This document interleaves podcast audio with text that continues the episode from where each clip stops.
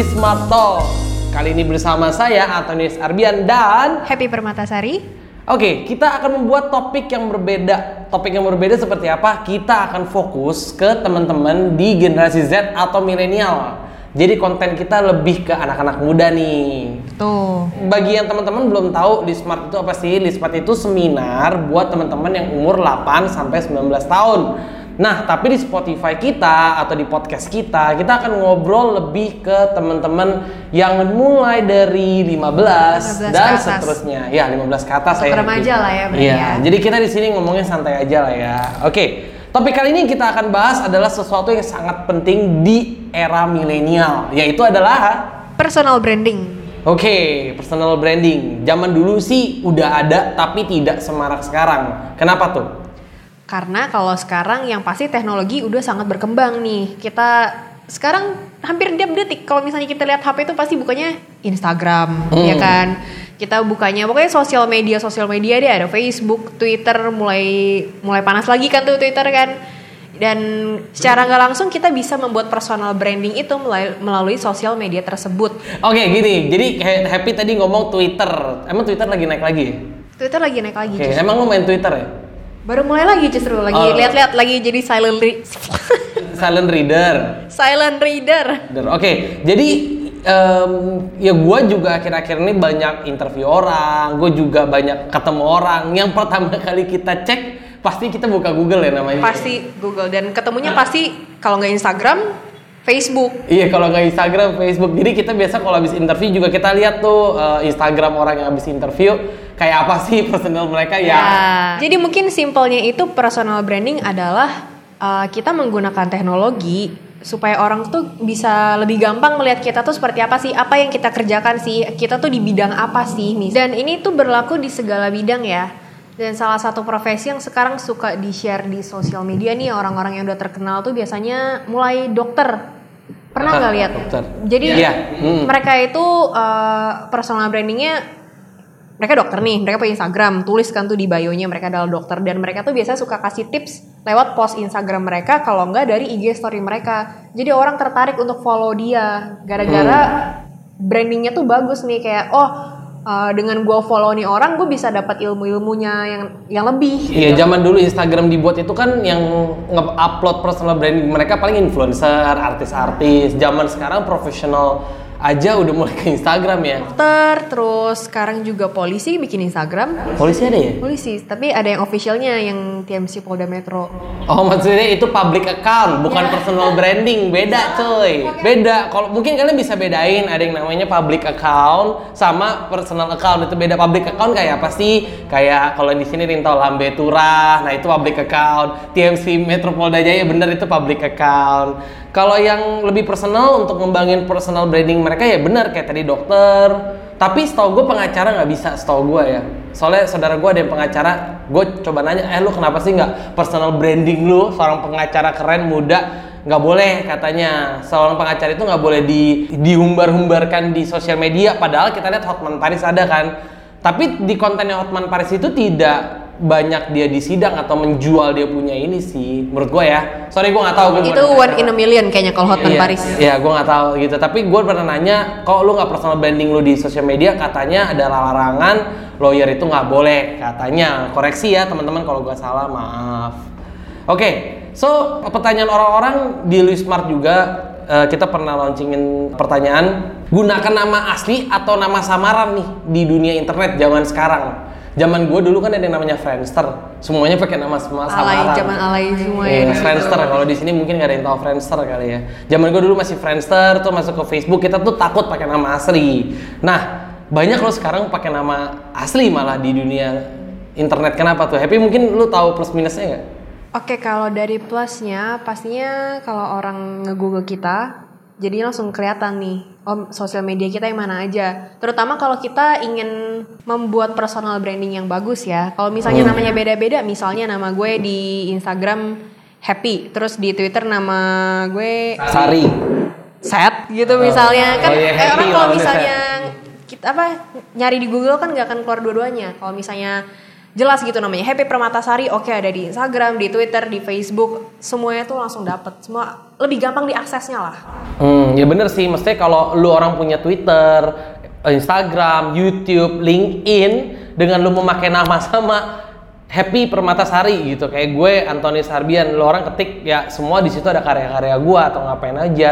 Tinggal orang yang mau hire gue atau tertarik berbisnis dengan gue bisa lihat oh ini loh style gue begini loh caranya. ya jadi jangan istilahnya jangan mempersulit orang kalau misalnya mau nemuin karya-karyanya kita gitu. Ah betul banget itu jangan mempersulit betul sekali. kalau negatifnya gimana nih Abi? Kalau gue bilang negatifnya ya sekali lu salah, hmm, ya sekali lu salah, lu upload hal-hal yang mungkin tidak diterima market, ya kontroversial plus dan minus, nah itu bahaya juga. Jadi ya berhati-hatilah apa yang kalian upload. Tapi kalau itu kita yakin lah ya pendengar-pendengar kita udah bisa tahu mana yang harus dimasukin ke sosial media ataupun tidak. Ya ter- tergantung juga ya mana yang benar dan enggak itu kan tergantung personal ya nggak? Tergantung personal juga, mesti kalau dia mau upload sesuatu yang emang mau negatif mau gimana kita juga nggak bisa larang kan. We cannot control what they wanna upload. Right. Ya so just be careful about Cuma it. kita mau mengingatkan aja kalau gitu semua datang dengan konsekuensi masing-masing. Betul. Jadi harap dipikirkan kembali apa yang mau kalian masukkan ke internet. Mm-mm. Terus habis itu apa nih? Kita mau bahas tentang apa? Sebenarnya kita ingin sharing ke kalian gimana caranya membuat personal branding. Yang pertama tadi sebenarnya udah disebutkan gunakan nama yang sama untuk semua sosial media supaya orang itu istilahnya gampang nyari kalian. Hmm. Nah, untuk yang selanjutnya itu kita apa ya, istilah gampangnya itu update. Update up to date kali? Ya, up to date Ya, up to date. maksudnya. Jadi Hmm. secara berkala lah kalian ada post tentang diri kalian atau tentang karya-karya yang kalian buat gitu supaya orang tahu bahwa oh ini account asli kok, ini masih aktif kok sampai sekarang gitu. Oh iya itu juga hal yang penting sih maksudnya kita kita atau gue sendiri kalau ngelihat orang kalau masuk ke profil orang kita lihat loh itu update terakhir kapan. Betul. Iya, ya jadi apa pun yang kalian lakukan dari personal branding sampai perusahaan yang pengen kalian kembangkan itu sangat penting untuk konsistensi. Kalian harus upload konsisten gitu loh, jangan lagi musim-musim seminggu kalian upload, habis itu kalian hilang. Terus orang ngeliat kayak ya udah seminggu yang lalu nih udah ngupdate. Nah ya ibaratnya gini deh kayak kalian mau pergi ke satu restoran atau satu acara gitu deh. Hmm. Terus kalian buka Instagramnya, ternyata terakhir uploadnya kayak tiga bulan lalu. Iya. Gitu. Kalian mau datang pasti jadi ragu kan. Aduh nanti ternyata udah ke sana tempatnya tutup lagi gitu. Iya. Oke tadi ada dua poin ya. Berarti yang pertama itu pakai nama asli dan yang Mhm. kedua stay up to date. Untuk yang Yes. ketiga posting konten sesuai passion. Jelas kalau ini kalian di bidangnya apa nih misalnya kayak tadi misalnya dokter gitu. Kalau tiba-tiba dia isinya puisi kan nggak nyambung. Oke, ya tergantung sebenarnya. Gue balik lagi kemarin gue baru datang ke seminar. Ada pertanyaan ke dua pengusaha sukses. Yang satu adalah Joska. Bagi teman-teman belum tahu Joska, Joska itu kan financial consultant. Nah di situ ada Mas Sakar. Di sini ada juga satu yang punya Men's Republic, Yasa Singgi. Nah kalau tadi Happy bilang kan post konten sesuai passion, ya kan? Harus sesuai tuh. Kalau lu dokter berarti lu post Yang tentang kesehatan. tentang kesehatan, oke, right. Nah, di sini ada pertanyaan, Mas, apakah harus sih bisnis online sesuai dengan usaha mereka? Jawaban mereka tentu aja belum tentu sama gitu loh. Kayak si Yasa Singgi, dia itu post di dia punya pribadi account nggak nggak sesuai dengan company dia. Dia lebih upload tentang keluarga dia, family dia, teman-teman dia gitu loh. Nggak ada tentang fashionnya sama, sama sama sekali kayak di Men's Republic. Sedangkan si Akar juga sama gitu. Akar akan post sedikit berbeda dari uh, Joska di konsultan keuangan dia mungkin lebih ke personal dia, anak dia gitu, nggak selalu. Jadi tergantung posting konten sesuai passion tergantung dari kalian tujuannya apa. Terus kalian kalau udah punya account sendiri khusus buat perusahaan kalian ya bikin di account sendiri gitu loh. Jadi Nggak bisa harus ya ada ada yang untuk pribadi, ada yang untuk emang tujuannya khusus untuk personal branding. Iya gitu. Tapi baik lagi kalau kalian mau ngebus nih, oh kalian pengen personal branding kalian sama dengan perusahaan kalian, monggo silahkan gitu loh. Jadi tergantung passionnya masing-masing sih. Kalau kalian mau ya silahkan nggak ada larangan. Ya berarti dilihat dari tujuan awalnya ya. Iya, account itu dibuat, akun itu dibuat untuk apa juga sih? nggak nggak harus berarti nggak harus kalian ngepost yang sesuai dengan bidangnya kalian Yes. kita nggak ngelarang kok kita pengen kasih tau aja bahwa di sini ada beberapa tipe account berarti ya ada yang personal dan ada yang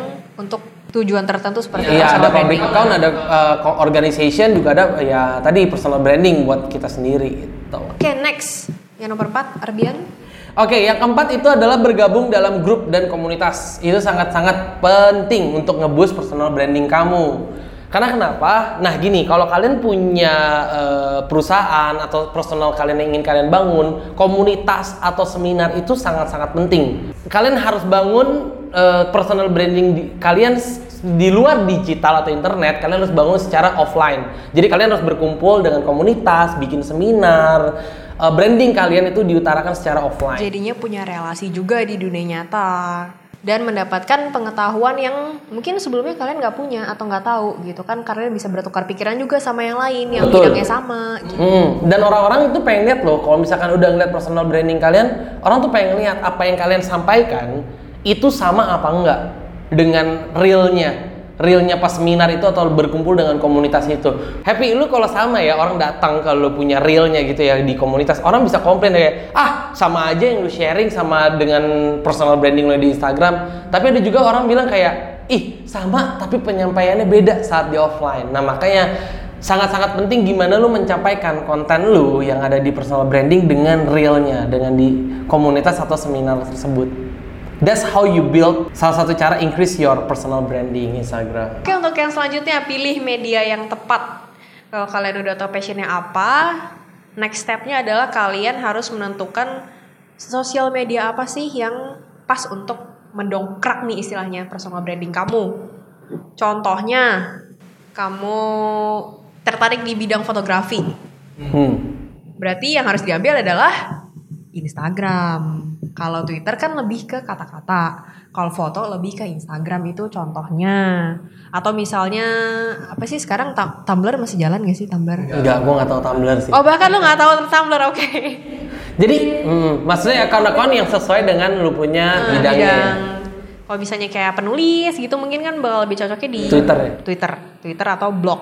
Nah bedanya lu IGTV, ITV sekarang Instagram visual YouTube juga visual yang membedakan apa Tapi kalau YouTube kan lebih ke video, all video. Kalau misalnya Instagram kan masih bisa foto gitu. oh ya dan fotonya masih bisa ya bener. mereka bisa ambil dua-duanya jadi Instagram sama YouTube gitu misalnya Hmm, hmm, hmm. kayak ah nih gue ada video baru nih cek ya gitu terus kita kasih trailernya di Instagram tapi untuk Hmm, full videonya adanya di YouTube Betul betul. Dan banyak sekarang ini ya gue baca eh, di teman-teman gue yang sharing di Instagram itu kan kebanyakan visual, tapi orang-orang tuh banyak udah mulai mengajarkan budaya membaca. Jadi di Instagram mereka instead of uploading the picture, mereka juga udah mulai upload eh, tulisan-tulisan. Oh iya banyak tuh. Biar teman-teman membaca atau picture-nya gambar yang ada apa-apa captionnya panjang cuy.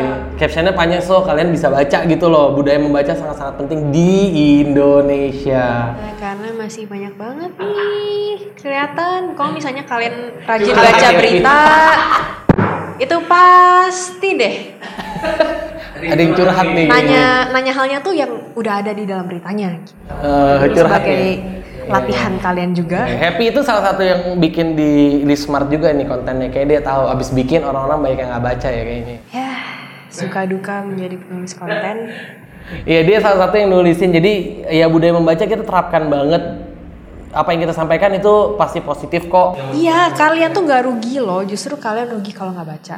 Iya. Oke. Terus apa nih yang terakhir? Oke, selanjutnya. Follow akun-akun yang bermanfaat yang sesuai dengan bidang kalian karena di atas langit pasti masih ada langit. Jadi kalian follow orang-orang yang lebih expert di bidang kalian. Ini lebih expert di bidang kalian. Maksudnya jika kalian ingin mengembangkan personal branding kalian, ada baiknya kalian punya role model, maksudnya gitu. Ya betul ada role modelnya. Ambil contoh ya, misalkan kalian suka motivasi nih, ya udah kalian ikutin aja konten Anthony Robbins. Atau yang gampang aja deh kalau misalnya kalian suka foto wedding gitu kan yang terkenal apa sih Axio. Oh, ya kalian harus punya role model untuk mengikuti passion kalian lah. Kalian tentuin role modelnya, kalian ikutin bagaimana mereka upload. Dan yang paling penting juga, kalian lihat tuh dari foto-foto mereka, triknya adalah engagement mana atau likes mana yang paling banyak. Jadi kalian gak usah pusing-pusing, kalian buka Instagram role model kalian, kalian lihat tuh likes yang paling banyak sama engagementnya. Nah berarti market suka yang kayak gitu. Tipe untuk tipe-tipe fotonya ya berarti Yes. ya untuk cara Ya, pengambilan gambarnya aja, gitu. gitu. Tapi belum tentu kalian habis niru mereka, market suka langsung foto kalian belum tentu. Karena kenapa? Mungkin kalian bagusnya di bidang yang lain, di foto yang lain yang ma- market lebih suka. So Itu hanya untuk jadi inspirasinya juga ya. yes. Untuk tahu Wow. mulai dari mana nih. Dan yang terakhir, minta testimoni dari orang yang kamu kenal. Kalau ini mungkin lebih cocoknya untuk platform kayak LinkedIn. Jadi kalau misalnya kalian mau cari kerja kan biasanya kalian suka di kalian akan tahu ini sih. Jadi kalau misalnya kalian mau cari kerja biasanya dimintain referensi. Hmm. Itu untuk istilahnya untuk support lah kayak kamu ngasih tahu ke orang ini kayak ini temen gue jago kok, temen gue jago kok, dia nulisnya bagus kok, dia kerjanya bagus kok gitu. Tapi kalau misalnya di LinkedIn itu lebih ke skill ya kalau di LinkedIn. LinkedIn skill, certification kalian, apa yang kalian udah udah uh, achieve, jadi kalian bisa tahu apa kalian udah punya pengalaman kerja di mana, itu semua taruh di LinkedIn biar kita tahu uh, sebenarnya banyak employer atau per- uh, orang yang rekrut kerja perusahaan-perusahaan HRD ngelihat tuh kalian punya pengalaman di mana gitu. Dari situ pas lagi interview gampang gitu. Ranahnya udah tahu oh kalian pernah pengalaman jadi SPG atau sales atau anything so uh, they know what to ask because you they know what patient you are at right now gitu. Jadi untuk teman-teman smart generation di luar sana, aku mau ringkasin lagi apa yang tadi kita bahas. Jadi ada tujuh poin tentang bagaimana caranya membuat personal branding yang baik. Yang kedua itu selalu up to date dengan sosial media kalian, jangan sampai orang kira kalian itu akunnya palsu atau sudah tidak aktif. Untuk yang ketiga, posting konten sesuai passion, tapi tergantung dengan tujuannya smart generation lagi ya untuk membuat sosial media itu misalnya untuk pribadi silakan bebas, tapi kalau untuk mengembangkan nama kalian akan lebih baik apabila posting konten kalian sesuai dengan bidangnya. Lalu yang keempat, bergabung dalam grup atau komunitas. Yang kelima, pilih sosial media yang tepat. Kalau misalnya smart generation sukanya fotografi, masukinnya ke Instagram gitu. Yang keenam, ikuti akun-akun yang bermanfaat atau at least kalian harus punya role model supaya kalian tetap bisa terinspirasi dan termotivasi agar bisa menjadi seperti mereka. Dan yang terakhir, smart generation harus bisa minta testimoni dari orang-orang yang kamu kenal. Dari orang yang deket aja nggak apa-apa kok, supaya mendorong atau meyakinkan orang bahwa smart generation memiliki skill-skill yang emang kalian punya. Ya oke, jadi kita pamit dulu. Saya Happy Permatasari. Saya Antonis Arbian. See you on the next episode. Bye. Bye.